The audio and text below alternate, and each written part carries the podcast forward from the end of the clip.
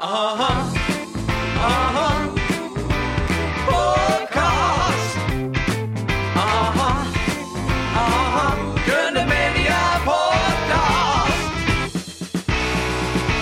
Hon slog igenom eh, som 16-åring eh, i Idol med låten Have a Heart. Sedan dess har hon varit med i Melodifestivalen två gånger. I höst så blir det bland annat spelningar i Madrid och julkonserter och hon är dessutom aktuell med nya singeln Home. Vi välkomnar Anna Bergendahl till Grön Media Podcast med mig, Carl Magnus Eriksson och Med mig, Erik Jensen. Härligt, tack så mycket. hur är det med dig idag Anna? Jo, men det är bra. Jag eh, har varit ute på en lång turné här så jag längtar lite grann efter eh, semester. Jag har en sista arbetsvecka nu, sen ska jag ta lite ledigt. Är det hela sommaren du har varit ute och turnerat då? Ja, det är det. Vi har varit eh, överallt i Sverige och lite ute i Europa och det har varit helt fantastiskt. Men nu känner man att man behöver lite ledighet. Återhämtning är viktigt. Eh, Ja. ja. Speciellt om man jobbar under sommaren tänker jag. Det, Ja, ibland kan det vara lite hjärtskärande när alla andra är lediga och man själv jobbar. Och sen nu, nu när jag då väl blir ledig så, så jobbar ju alla andra. Så då får jag vara ledig helt själv. mm. Ja, men det blir det så här, ska du åka till Varbergs camping så behöver du inte slåss med alla campare för det finns inga kvar där. Ska semestra. eh, vad är du aktuell med just nu? Ja, just nu har jag precis eh, släppt en ny singel som heter Home. Som eh, börjar spelas lite grann på radio, vilket är jätteroligt. Och eh, sen har vi då avslutat den här sommarturnén och eh, ser fram emot lite spelningar i höst. Vi ska bland annat till eh, Madrid och Ja, spela. just det. Det läste vi om här på din Instagram. Ja, Ja, ja, precis. Ja, men det är väl det som händer just nu. Är det fler Europa-gig i detta eh, planerat också eller är det Eh, avstickare? Vi, ja, alltså det, vi har gjort två spelningar i London faktiskt och sen så gör vi Madrid och vi har fått lite andra inbjudningar. Det är inte alltid det klaffar men vi, vi hoppas på fler eh, Europaspelningar. Mm. Vi har ju lite inside här att du faktiskt gjorde en spelning i London, nej inte i London men i Storbritannien när du var åtta och sjöng Céline Dion. Ja. Eh, vi kommer till det. Men det. Var det din första eh, spelning i Storbritannien? Ja, ja, det var ingen arrangerad spelning utan det var högst eh, improviserat och ehm, jag var som sagt då åtta år tror jag. Och, ehm, ja, det var första upplevelsen Mm. eh, framför en publik. Att ge sig på, det var alltså My Heart Will Go On eh, som du tolkade. Uh, Ja. Jag rätt. Det, det är ju stort att ge sig på en sån låt, Céline Dion där när man är åtta. Ja, det hade jag ingen aning om hur, hur, eh, att jag tog så mycket vatten över huvudet och eh, det var nog ingen tolkning utan det var nog bara rakt av. Ja, ja. hur ser en vanlig arbetsvecka ut för dig? Nu håller jag ju på enbart med musik. Eh, under tre år drygt så pluggade jag samtidigt till läkare. Mm. Och då pendlade jag till Örebro och pusslade väldigt mycket med mitt schema för att få ihop eh, låtskriveri och spelningar och tentor och seminarier och föreläsningar. Så då jobbade jag jättemycket, säkert eh, 10-12 timmar per dag. Att få in en läkarutbildning så där på... Det är ingen, det är ingen s- slentrianutkurs man läser där liksom, utan det, det tar en del tid kan jag tänka mig. Ja, det gör ju det. Och man måste vara väldigt engagerad och, och sen så småningom får man ju börja träffa patienter och då måste man verkligen vara alert och med och sådär. Så att, eh, det blev eh, lite för mycket där i våras när jag gjorde Melodifestivalen samtidigt så då bestämde jag mig för att ta en paus. Och nu, det är fortfarande väldigt varierade arbetsveckor. Och Om vi är ute på turné så då spelar vi ju och då eh, kommer man till orten man spelar på så testar man ljudet och sen kanske man gör någon intervju och sen eh, fixar man sig för kvällen, sminkar sig och stryker kläder och eh, sen gör man spelningen och träffar lite fans och går och käkar middag och så ser en vanlig turnédag ut. Vi brukar kom, återkomma till det här med hotell. Alltså, hotell är väl ungefär det man brukar få se av Ja. själv, själv. Förutom det man ser från scenen så att säga. Men det man ser av turnéorten i övrigt är ofta hotellet och sen så åker man vidare. Så att det inte... Ja, precis. Ja. Det är, det är lite tråkigt. Ibland har man lite tid och kan gå och kolla ut någon speciell restaurang eller gå på någon, någon sevärdhet. Men ofta är det precis så att man, man ser hotellrummet och eh, publiken. Mm. Vilket är ditt bästa och sämsta hotell du har bott på? Åh, nu ska vi se här. Man får välja flera. Ja, eh, vi bodde på ett väldigt bra hotell i somras i Helsingborg. Ja, det är en fin stad. Visst är det det? Ja, Och de hade många fina hotell där och restauranger. Det var, kändes lite som en lyxig stad. Mm. Ut, ut, utsikt mot Helsingör kanske? eller? Ja, eh, inte från hotellrummet men man kunde väl eh, se Helsingör på håll där. Eh, och sen sämsta är nog en gång i Indien när vi bodde, då var, då var, det var privat men då Ja. bodde vi i eh, Mumbai, före detta Bombay och eh, då satsade vi på ett lyxigt hotell trodde vi för vi ville ha liksom snyggt och rent och säkert där i den där stora staden. Men det var, det var inte så snyggt och rent och säkert. Nej, nej, att, eh, Det var nog bottennappet. Vi är ju nyfikna på att återvända lite hur det började. Ehm, hur, hur kommer det sig att du började med musik? Har det funnits med ända sedan du var liten? Ja, det har det gjort. Eh, Jag minns när jag upptäckte min stora idol Tracy Chapman Mm. när jag var, jag gick i lågstadiet och eh, så snöade jag in väldigt mycket på henne och lärde mig alla texter och eh, började lyssna väldigt mycket på musik. Mm, Eh, mm. Jag minns att eh, min familj satt och kollade på film på, på helgkvällarna Mm. och jag satt bara framför eh, högtalarna och spelade platta efter platta. Mm. Eh, så jag snöade verkligen in på det och sen började jag eh, liksom sjunga på allt ifrån dop till olika företagsevent i eh, min hemstad Mm. Nyköping. Och sen sökte jag Idol och Just efter det, det, så ja. tog det fart. 2008 var det va? Det var ganska Ja. precis där, 10-11 år sedan. Där. Ja. Have a Heart heter den här låten va? Som, det. Precis, Mm. precis. Hur var idoltiden? Den var ju väldigt eh, intensiv och rolig. Jag gick fortfarande på gymnasiet och var väl med i två månader någonting i Idol. Jag kom femma till slut. Och det, jag var ju väldigt ung och eh, det var också ganska jobbigt att eh, ta kritik i livesänd tv. Man är ju, jag var ju inte alls erfaren då som Mm. artist utan allting var ju nytt. Allting från eh, att eh, ha såna här öronsnäckor i för att höra sig själv och musiken till att göra en intervju. Allting var ju nytt. Så eh, det var en, en väldigt bra skola som var otroligt rolig och emellanåt väldigt jobbig också. Det är ganska hårda tyglar emellanåt kan jag tänka mig. Den där. Det är ju hela artistpaketet man drillar sig där. Inte bara det sångmässiga utan även det sceniska och ja.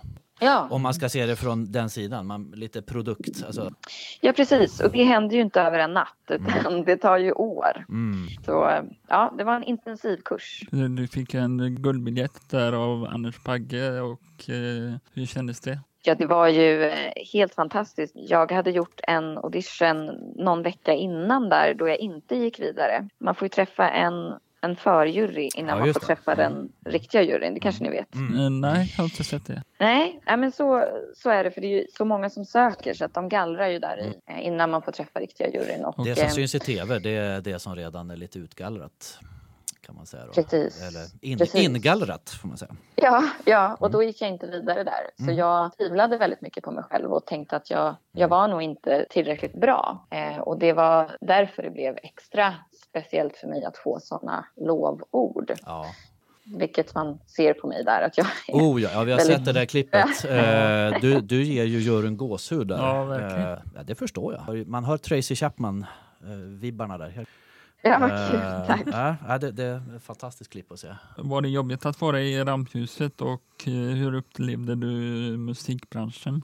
Alltså, för det mesta var det väldigt kul att få vara i det där rampljuset. Det var ju en dröm Mm. Som gick i uppfyllelse och eh, för det mesta hade vi väldigt roligt och eh, det jag minns mest är ju det roliga. Men sen som sagt så är det ju svårt när man är så ung och det är så mycket som händer och Mm. eh, man ska, det handlar inte bara om sång som vi har sagt här utan Mm, det är så mycket annat man ska kunna helt plötsligt och eh, jag hade behövt lite mer tid. Jag önskar i efterhand att jag hade sökt lite senare, kanske ett par år senare. Mm. Du slutade femma och så var du med i Mello 2010. Eh, This is my life. Mm, En fantastisk låt om du frågar mig. Eh, men- tack. eller du kom till semifinal och var snäppet från en finalplats. Ja, eh, jag trodde ju att vi skulle gå vidare till final eh, av den anledningen att Sverige alltid har gjort det. Mm. Tidigare. Eh, sen har de inte alltid haft semifinaler och eh, ibland har ju Sverige varit direkt kvalificerad till final. Men eh, vi har ju alltid lyckats göra det så det var lite grann därför jag trodde att vi skulle göra det och sen så skulle de säga då det sista landet som gick vidare till final och jag trodde verkligen att det skulle bli Sverige. Och sen blev det inte så och det var ju en stor besvikelse och en stor överraskning också. Ehm, Så jag blev eh, väldigt, väldigt eh, ledsen och ehm, det känns ju som att ja, men luften går verkligen ur Mm. och eh, man tror inte att det är sant. Ja, nej, men jag, visst, jag förstår den känslan man hade. Du fick 12 poängare från både Danmark och Norge har för mig där. Mm. Ehm, I efterhand när man får lite perspektiv på det så, så, så inser, inser jag ju hur stort det var att som 18-åring få göra det där och eh, vi hade väldigt kul hela resan just fram till det där ögonblicket när vi inte gick vidare och eh, med lite perspektiv på det så känns det inte alls som någon stor jobbig grej eh, överhuvudtaget utan bara som ett, en, ett himla fint minne och en väldigt stor eh, händelse i min eh, karriär. Just en följdfråga där, för du hade ju kommit med ett debutalbum samma år där också. Ehm, Ja. Vad tänker du när du lyssnar på den Anna idag? Lyssnar du på gamla skivor? Eh, Först och främst. Nej, nej, det gör jag inte. Ja. Ehm, då så skrev jag inte så mycket musik utan jag hade skrivit två låtar till den skivan. Det var väl tolv låtar totalt där. Så det var ju andra som hade skrivit åt mig och det eh, påverkar ju eh, eh, såklart. Och jag var ju väldigt glad över att få släppa en skiva och eh, tyckte ju att den var bra. Och, Men nu kan jag ju se hur mycket jag har utvecklats som sångerska och låtskrivare på tio år. Mm. Eh, och det, det är kul att, att se. Men det, är- jag, jag tror inte att det är så många artister som lyssnar på, på sina gamla skivor utan man, man är, man är i, i det nya projektet liksom hela tiden. Tittar framåt. Mm. Hur kändes det att eh, vara så ung och slå igenom här med både skoltiden och eh, vara på scen samtidigt? Eller?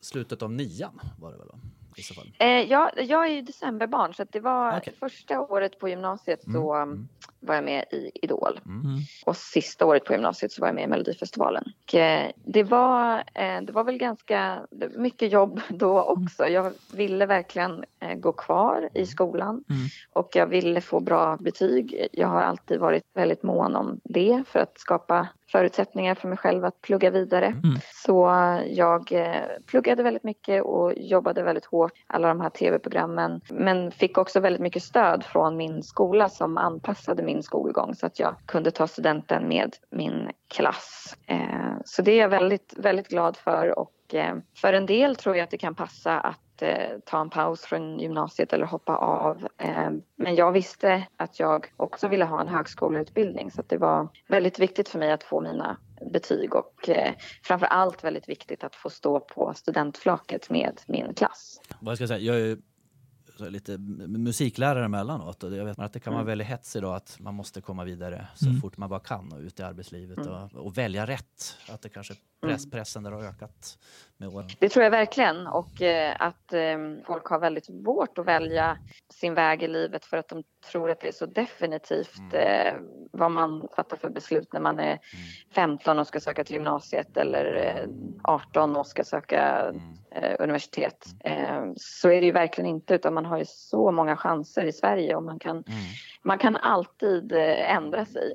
Ja men visst, ja, men det är bra. Jag tror människan är ju föränderlig också så jag tror att det är viktigt att känna att man också går, vidare och förnyar sig så att inte akt, man aktar sig för slentrianen. Precis. I fjol så gjorde du mellocomeback med låten Ashes to Ashes. Eh, hur var det att stå där igen? Det var eh, väldigt eh, nervöst. Jag eh, hade ju varit borta från de stora scenerna då ett tag och kände mig lite ringrostig och väldigt nervös. Eh, det kändes som att det var ganska mycket som stod på spel. Jag hade ju vunnit den tävlingen en gång och visste att jag, det kunde gå hur som helst. Jag kunde ju åka ut i min deltävling Ehm, eller liksom gå direkt till final. Eller, ehm, jag hade verkligen ingen aning ehm, om hur, folk kände för mig och om de fortfarande visste vem jag var och om de fortfarande gillade mig. Så det var eh, väldigt, väldigt nervöst. Men vi, vi är väldigt, väldigt nöjda över hur det gick. Vi kom ju till final där via Andra chansen och sen den här låten har ju fått ett helt eget liv på Mm. radio och Spotify och eh, det har gått väldigt bra för den så att vi är supernöjda. Den är väldigt fin också. Jag tänker om man jämför med 2010 att du, eh, det är lite lägre ner i registret nu. Att du har, hitt- Ja. har hittat en eh, lite mer allt. Eh, jag tror att jag alltid eh, har varit allt egentligen. Eh, sen liksom för tio år sedan så kunde jag ta lite högre toner än vad jag kan idag och idag när vi spelar This is my life eh, live så har vi sänkt den. Eh, ett, jag tror det är ett halvt eller ett helt tonsteg så att jag, jag har fått en mörkare röst och eh, trivs väldigt bra med att använda det registret. Så det är ju det är, det är helt rätt eh, eh, spottat där. Får ju anknyta helt klart till Tracy Chapman redan då, för jag vet att du, eh, du fick också jobba med hennes producent. Ja, Mm. det stämmer. Och eh, även, det är samma producent också som jobbat med Joni Mitchell. Det är riktiga storheter. Hur var det? Ja, ja det var ju helt makalöst eh, och jag hade ju, det hade ju misslyckats där i, Eurovision och eh, eh, jag visste inte riktigt vad jag skulle göra. Ehm, jag hade flyttat hemifrån och rest runt i Asien och, och väntade på nästa bananskal som jag kunde få halka in på. Och då ringde Larry Klein som hade hört talas om mig via min agent och eh, då åkte jag över till Los Angeles och sen skrev vi en skiva tillsammans och eh, spelade in den under eh, det, hela processen tog väl ett år och sen eh, fick jag turnera i USA och det blev en dokumentär för SVT om det här projektet. Och, Ja, det är, ju, det är ju den största personliga bedriften för mig som artist. Även om det inte blev någon kommersiell framgång så var det eh, verkligen ett erkännande för mig att, jag, att han ville jobba med mig eh, så, så länge där. Så att, eh, det var helt fantastiskt. Vad härligt att det var han som ringde upp där då. Eh, Ja. fi- fi- Fick du träffa Tracy i samband med detta? Nej. Nej, det fick jag inte. Vi, vi spelade till och med in i samma studio som, som hon hade spelat in sitt debutalbum i. Eh, men jag fick aldrig träffa henne eh, då. Däremot så träffade jag henne när jag var, ja, kan jag ha varit 12 eller någonting, när hon spelade på Cirkus och jag och min Okej, pappa ja. stod och väntade utanför och ville ha en autograf och det fick vi. Och, ehm, jag minns att eh, min hand luktade av hennes tvål efteråt. Ah, som jag skulle aldrig tvätta Ja. handen.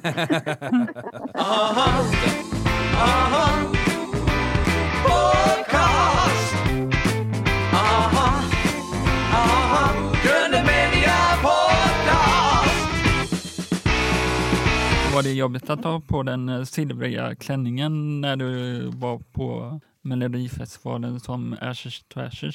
Ja, det var lite eh, mäckigt. Den är jättetajt och det är ju till och med en byxdress eh, som är eh, handgjord och eh, eh, man får vara väldigt försiktig med den. Så att jag fick ju liksom, man, när man är nervös så blir man ju så kissnödig och vill gå på toa Ja, hela tiden. Ja. Och det, jag hade i princip bara en, jag fick väl göra det en halvtimme innan jag skulle upp på scen och sen hade jag ingen mer chans att Mm. Ja, gå på toaletten. eh, så, men jag älskar den eh, outfiten, jag tycker den är jättefin. Men var, du hade valt den ändå själv. Det var inte Christer Björkman som kom och sa att eh, okej, den här ska du ha. För det, det, blir, bra, det blir bra tv. Nej, jag hade valt den själv. Ja, okej. En liten throwback här till läkarspår. Är det så att du parallellt eh, jobbar då som läkare? För du, är, du blev färdig där då efter att ha pluggat? Nej, jag, jag är inte färdig. Nej, okej. Mm. Eh, utan jag tog en paus från studierna. Jag har gjort drygt tre år och har drygt två år kvar. Mm. Eh, så de ska jag ta upp igen nu i slutet av oktober. Okej. Mm. Och göra klart åtminstone en termin. Och sen får vi, vi se vad som händer framöver med musiken och sådär. Om jag behöver pausa igen. Eh, jag får ta det lite i, i omgångar här. Musik kan ju vara läkande i sig, så alltså, medicinsk. Eh, Kan du använda någonting av ditt musikbagage så där, i läkaryrket?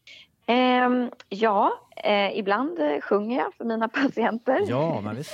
om, de, om, om de eh, vill det. Vid några tillfällen så har det varit några som har velat att jag ska göra det. Ja. Och eh, då gör jag det, vet du. Mm. Eh, och sen eh, tror jag väl att det här... Eh, jag vill jobba med eh, akutmedicin och då är det ju mycket snabba beslut och eh, det går från 0 till 100 och det eh, kan jag ju känna igen från, från livesändningar när man har tre minuter på sig och allt ska sitta. Och, ehm, jag tror att det är lite samma eh, adrenalinpåslag och eh, att man måste vara väldigt fokuserad. Ja, just det. Ja. Så den kopplingen tror jag finns också. ja. När du väl blir färdig läkare, kommer du att köra så här halvtid, halvtid då eller? Ja, eh, det, det är planen att kunna ta en deltidstjänst och eh, fortsätta skriva musik och spela. Eh, jag eh, vill inte välja. Det, jag får ofta den frågan om vad jag ska välja. Men jag tänker att jag inte behöver göra det. Utan jag, vill, jag, vill, jag har de här två stora drömmarna och jag vill förverkliga båda. Och jag, jag tror att det, att det är möjligt. Eh, Hur skriver man en bra hit som Ashes to Ashes? Hur man skriver en hit? Ja, som Ashes to Ashes. Åh, ehm, det har jag eh, frågat mig själv och det har jag frågat eh, de hitmakare som jag jobbar med och eh, jag tror inte att eh, det är någon som riktigt vet det. Nej. Det är någonting som uppstår i stunden och ibland så känner man att man har en väldigt stor låt och eh, ibland känner man inte det men det blir en stor låt ändå. Ehm, och eh, det är väldigt liksom sällan man får till den där hitten. Man kanske skriver 50 låtar och en blir en hit. Den låten skrev du med Thomas Gesson bland annat och eh, Bobby Ljunggren också. Precis. Skriver du främst ihop med andra eller själv? Jag skriver främst med andra. Eh, jag jobbar i lite olika låtskrivarteam. Eh, framför allt med två stycken som heter eh, David Lindgren Zacharias och Anders Ja. Pettersson. Ehm, och sen så gör jag lite utstickare, Bobby, Gesson, eh, lite, lite olika sådär, eh, sessions som känns eh, kul. Men framförallt jobbar jag liksom långa perioder med, med några få. David Lindgren alltså? Ja, han var just det, det är inte samma. Det är, Det är, inte, samma det är alltså inte sant, det är inte den David Lindgren. Det- Nej, det är här- David Lindgren Zacharias. Han är, Ah. han är enbart låtskrivare och inte artist. Okej. Men det är, de, de är ju varandras namne. Zacharias, det är inte Ted Gärdestads, ska jag säga. Finns det, heter inte hans Jo, barn jo, Zacharias? precis. Han är gift med, med Ted Gärdestads dotter. Ja, ja, det är så där, just det. Ja, Det är så det okej. ja då vet vi. Mm. Om du, Ja. Om du inte vore musiker, vad skulle det vara då? Då skulle jag enbart vara läkare. Eller läkare, ska jag säga. Om du inte vore musiker eller läkare, hade du haft något alt- alternativt spår sådär som... Ja, ehm, då skulle jag nog vilja vara advokat, tror jag. Oh, Ehm, ja, eller åklagare kanske. Ja, Ja. något sånt. Jobba med så här, musikers rättigheter. Så här, STIM. ja. Per Herrey är Ja. STIM, eh, STIM-advokat i alla fall. Per, den gamla Herreys, vet jag. Ja, Så- just Så det det. är ett Ja. alternativt spår som man bejakar där. Ja. är du nervös innan du går in på scenen? Ehm, inte nu för tiden. Ehm, nu har vi gjort så många spelningar här så nu känner jag mig väldigt varm i kläderna och eh, blir inte speciellt nervös. Men jag blir alltid nervös när jag ska göra tv och jag vet att det spelas in för då, ja, men då har man bara en chans. Ehm, under en hel konsert så man kan göra något, något litet fel och sådär och det märks inte kanske på det stora hela men om det är bara tre minuter då måste ju verkligen allt sitta så då, då blir jag nervös. Som på Allsång på Skansen, är du nervös då? Ja, då, då blev jag nervös. Eh, Det var ju eh, säkert eh, tio år sedan jag gjorde Allsång på Skansen, men eh, då, då blir man nervös. Har du någon speciell ritual innan du går på scen? Ja, jag brukar, eh, jag brukar eh, säga något eh, tack till eh, något slags världsallt för att jag får hålla på med det här och försöka känna tacksamhet. Det är så mycket som händer och man är lite stressad och det är mycket att tänka på och då brukar jag försöka ehm, eh, ja, känna tacksamhet för att jag får hålla på med det här. Det låter som en liten andlig sida. Är du en andlig person? Ja, jo, men det är jag. inte, inte så flummigt andlig kanske, utan... Eh, Inga rö- rökelser jag- och... Det, Nej, inga rökelser utan ehm, ja, men jag har väl någon, någon tro på någonting större och att, eh, att det finns något som vi inte kan se. Eh, sen vet jag inte riktigt vad det är, men eh, eh, ja, men li- lite spirituell är jag ändå. Har du någon rider i din loge? Ja, det har jag. Där står det väl kaffe och te och frukt. ehm, Rökelser? Nej. Nej, just det, det var inte det. Och eh, tarotkort. Nej. Mm, mm. Eh, eh, men lite sådär fika och eh, ett strykjärn och en spegel tror jag det står. Ja, du stryker dina kläder innan du går på scen. Eller? Ja, Eller- precis. Det är, de har man tryckt ner i, resväskan så de behöver Eller har du någon som gör åt dig? Eller? Ibland har jag det, ibland har jag inte det. Vi pratar om Tracer. Jag har en fråga här. Har du någon gång blivit starstruck? Um, utöver Tracer då? Eh, nej, jag tror att det är nog bara med Tracy. Jag har inte träffat sådär superkända eh, artister eller eh, kändisar utan det var nog när jag träffade henne. Eh, och ehm, ja, då, då fick jag lite tunghäfta och eh, jag minns att jag, jag ville krama henne men då kom hennes Ja. livvakt i vägen där och sa inga, Åh. inga kramar. Oh, no hugs. Ja. Ja, så nära och ändå så långt borta. Men Ja, det ja, var precis. okej ändå. Ja. Eh, Ja. Hur lång är du med skor och ytan? Eh, vi håller på att lista ur, ur ja, ni listar, okej. med eh, hur lång Christer Sjögren är. Ja, det här, det här börjar som en... Ja. Det har verkligen blivit en röd tråd. Vi, ha, Ja. vi handledare diskuterade vid något tillfälle Ja. hur lång Christer Sjögren var och så gissade vi på två meter. Så här, så, här, nu har det blivit en grej att nu frågar vi alla. Och så Simon var 1,88. Simon var 1,98 till och med. 1,99. Ja. Ja, något sånt där. Okej. Ja. Ja. Men eh, Carl Magnus, hur lång tror du att jag är? Vad kan det vara? 1,70? Det är jättenära. 1,69. Det- Eller nej, vänta. 1,67. 1,67 är jag. Det, Oj. det tänkte jag säga. vi noterar detta. Är det utan, klack, utan klackar eller barfota? Barfota är 1,67 och sen beror det ju på höjden på klackarna. Nu har jag kanske för det mesta, vad kan de vara, 8 centimeter kanske, så plus 8 centimeter då. Har du träffat Christer Sjögren? Eh, det har jag säkert gjort eh, någon gång eh, i något sammanhang. Vi ser en duett där framöver.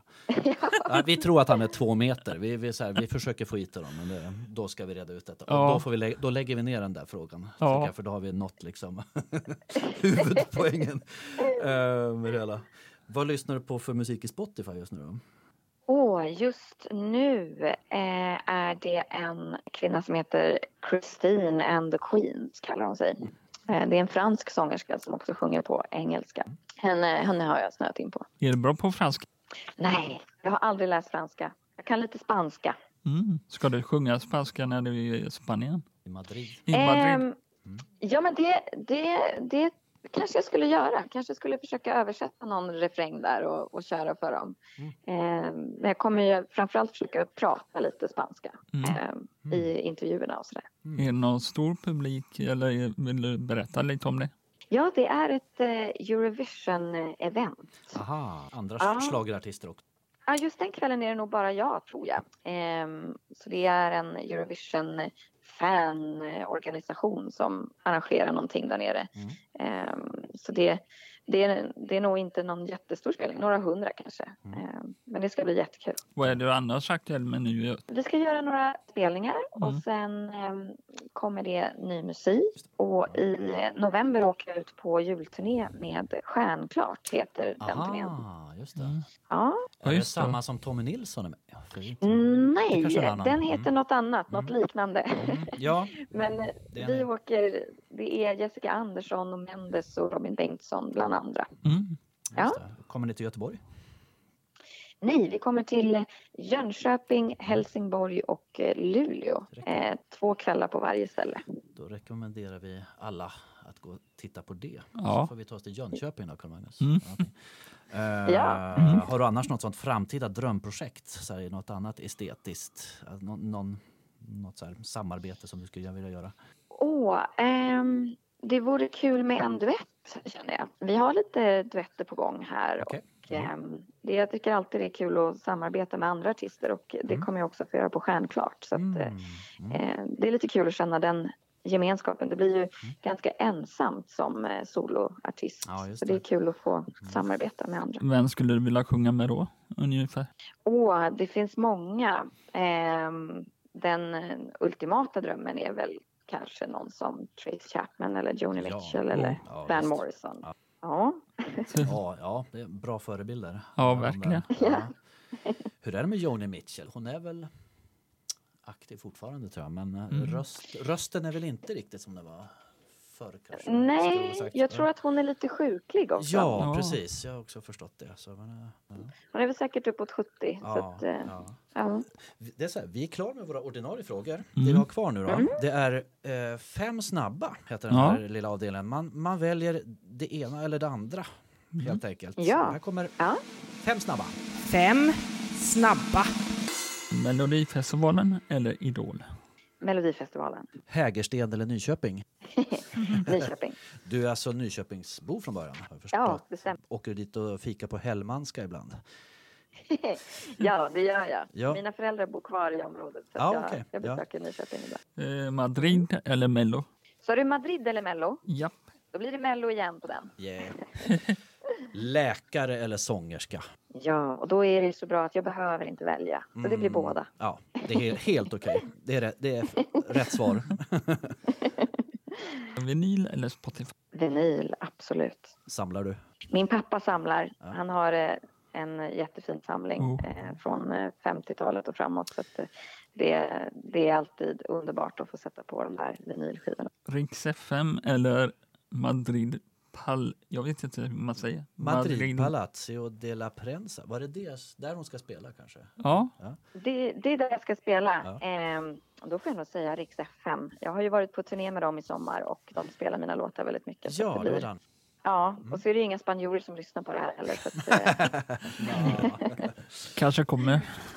Det kanske kommer, ja precis. Ja. Du får hjälpa oss att göra podden på spanska då. Så kan vi nå ut lite mer till internationellt. Du som kan. Får- Och vårt Ja, internationella varumärke utåt. Om du då fick ställa en fråga till Andreas Weise. Vad skulle, Mm. du, vad skulle du fråga då?